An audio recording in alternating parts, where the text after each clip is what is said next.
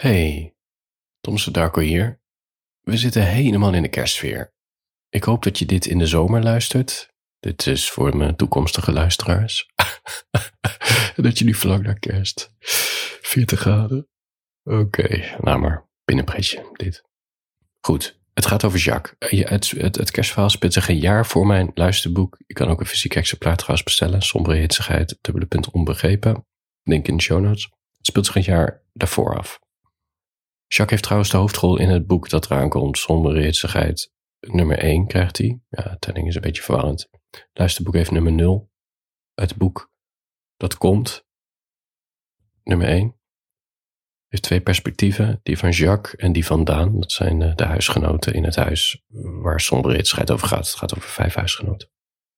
Anywho, anyhow. Een oude vlam die drie jaar niks van zich heeft laten horen. Die is, eh, heeft contact opgenomen. Jacques is er toch heen gegaan. Ze zitten in zijn investeringsappartementje helemaal eh, gestoffeerd en wel. Hebben ze seks gehad. Ehm, tweede verhaaltje. Blijkt het toch ook een of andere manier een, een vrouw te zijn. Hij is dus blijkbaar getrouwd. En een mysterieuze rode sjaal waar je denkt van wat moet je ermee? Die heeft zij lekker tussen de benen laten stoppen zodat het zater in opgevangen werd. Want ja, het blijft een somber hitsig banaal verhaaltje. En het is duidelijk geworden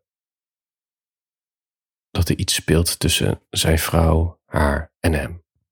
We gaan nu naar deel 3. Maar niet voordat ik gezegd heb dat dit kerstverhaal wordt aangeboden door mijn hele lieve supporters, superfans en engelen die me via Petje Af al twee jaar lang steunen. Het is echt een it's a privilege to, eh, om allemaal melancholie naar elke ochtend weer naar je inbox te sturen. En nou ja, ze blijven het lezen en het waarderen. Ik voel me gezien. Mijn grootste jeugdtrauma heb ik opgelost via petje af. Dit was een joke. Maar niet helemaal. Oké. Als jij denkt, hé, hey, ik wil deze fijne vent ook steunen. petjeaf.com slash Darko. Goed, en dan nu het hoofdmaal. Het derde deel van het kerstverhaal. En ik kan je zeggen, dit, this, this one is my favorite. My fa ja, deze en de volgende die komt smullen. Dat ik elke keer bij het herlezen echt met een stij... Ja, dan wordt het wel heel banaal. Nee hoor, ik krijg geen stijven van mijn eigen verhalen. Wel... Oké, het verhaal heet Als je me weer vergeet. Hij vroeg zittend op de rand van het bed of we nog een keer gingen vrijen of naar buiten zouden gaan voor wat kerstinkopen. Dus nu liepen we schouder aan schouder met de rest van Utrecht langs de vitrines. Als ik Peters hand vastpakte, kneep hij erin en liet hij die weer los.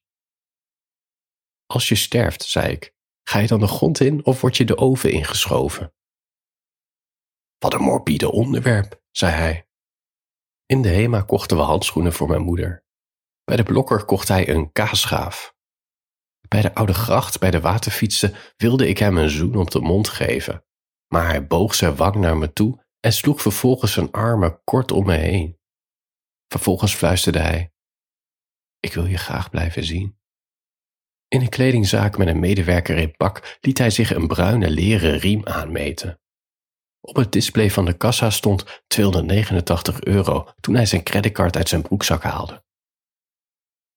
Peter duwde me een steegje in dat me nog nooit was opgevallen. Hij beet me in mijn nek, duwde zijn koude handen mijn broek in, knijpend in mijn kont. Doe niet zo gek, zei ik. Mensen kunnen ons zo nog zien. Daar had je voor het raam ook geen boodschap aan, zei hij brommend. Hij liet mij los. Ik miste zijn warme lijf meteen. Terug in de winkelstraat pakte ik opnieuw zijn hand vast. Hij kneep erin en liet die weer los. Ga je scheiden van je vrouw? vroeg ik. Voor jou? vroeg hij. Nee, niet voor mij. Ik wilde net zeggen. We weten wat dit is, toch? Ik heb geen flauw idee, Peter, wat dit is. Weet jij wel wat dit is? Hij pakte mijn hand vast en we liepen zwijgend langs de vitrine zonder erin te kijken. We vonden een kleine koffiezaakje met stoelen die piepten als je billen te hard bewoog. Hij keek verveeld, hangend in zijn stoel op zijn mobiel. Een gast met een knotje liet het koffieapparaat stomen en sputteren. Peter legde zijn telefoon op tafel en keek mij zo doordringend aan dat mijn wangen rood begonnen te kleuren. Ik meen het, zei hij. Ik wil je blijven zien. Die woorden gaven me een vervelende knoop in de maag. Net als dat mijn keel zich samentrok. Mijn hand maakte een wegwuifgebaar. Ik heb een jaar gewacht op antwoord op een appje, zei ik, tot ik het opgaf. Een jaar is een lange tijd, Peter, een hele lange tijd. Hij haalde zijn schouders op en ging weer hangend in zijn stoel zitten, turend naar zijn mobiel. Mijn handen trilden licht en ik keek de andere kant op om niet in huilen uit te barsten. De gast met het knotje zette de koffie bij ons neer, keek toen in mijn ogen, knipoogde vervolgens en liep weg. Zijn billen mochten er zijn. In ieder geval iemand die me adoreerde vandaag. Peter bleef hem nakijken en zijn blik werd donkerder en donkerder. Wat? vroeg ik. Zat hij nou met jou te flirten? vroeg Peter en hij ging recht overeind zitten en wreef over zijn knokkels. Geen idee, Peter, zei ik. Maakt jou het wat uit? Peter haalde zijn schouders op en borst zijn telefoon op in zijn jaszak. Maar, begraven of cremeren? vroeg ik toen. Peter opende een zakje suiker en liet de inhoud als een waterval in zijn mok komen. Daarna volgde een zakje creamer dat als sneeuw naar beneden kwam. Vervolgens begon hij te roeren. Waarom stopte je na een jaar eigenlijk met wachten op mijn antwoord? vroeg hij. Mijn neus voelde koud en snotterig aan. Uit mijn jaszak haalde ik een tissue tevoorschijn en veegde mijn neus af. Wat denk je? vroeg ik en nam een slok van mijn thee. Hij haalde zijn schouders op en nam een slok van zijn koffie. Nee? Je hebt echt geen idee? vroeg ik. Zeg het nou gewoon, zei hij. Jullie trouwfoto, lul, op Facebook.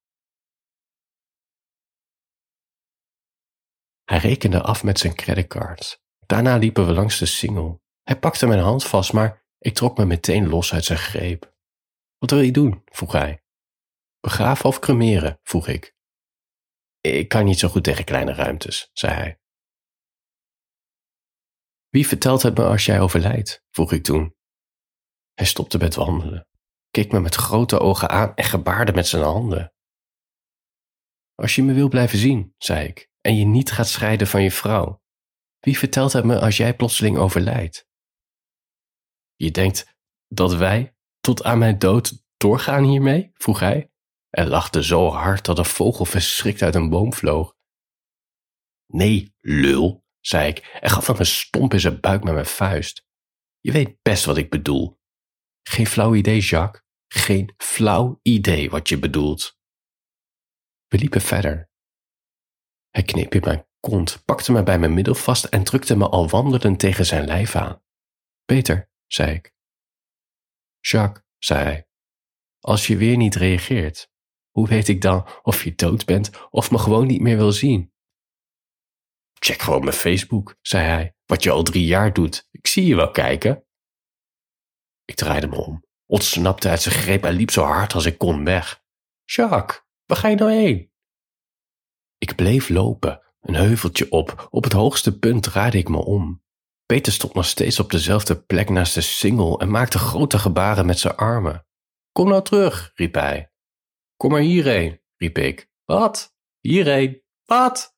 Ik blijf niet achter je aanlopen, zei ik. Als hij niet kwam, was het sowieso voorbij. Als hij wel kwam, gaf ik er nog een kans. Zo simpel was het. Peter liet zijn armen zakken en haalde zijn mobiel uit zijn zak. De lul. Vervolgens begon mijn mobiel te trillen. Wat? vroeg ik. Kom nou. Ik heb het koud. Laten we chocolademelk drinken in mijn appartementje. Daar houd je toch van? Lekker warm worden bij de radiator? Misschien kan je nog een boekje aan me voorlezen. Kunnen we wellicht een pizzaatje bestellen? Quattro formaggi is jouw ding, toch? Of we gaan uit eten. Kom, Jacques. Laat het vooral leuk houden in plaats van ingewikkeld. Kom nou maar gewoon. Ik zuchtte en zag een vogel landen op het dak van de boom. Kom maar hierheen, zei ik. Zien we dan wel verder. Peter stopte zijn mobiel in zijn zak, keek naar het water en toen weer naar mij, maar kwam niet in beweging. Kom of vertrek. Kom of vertrek. Zo simpel was het. wordt vervolgd. ik moest lachen toen de chocolademelk werd genoemd.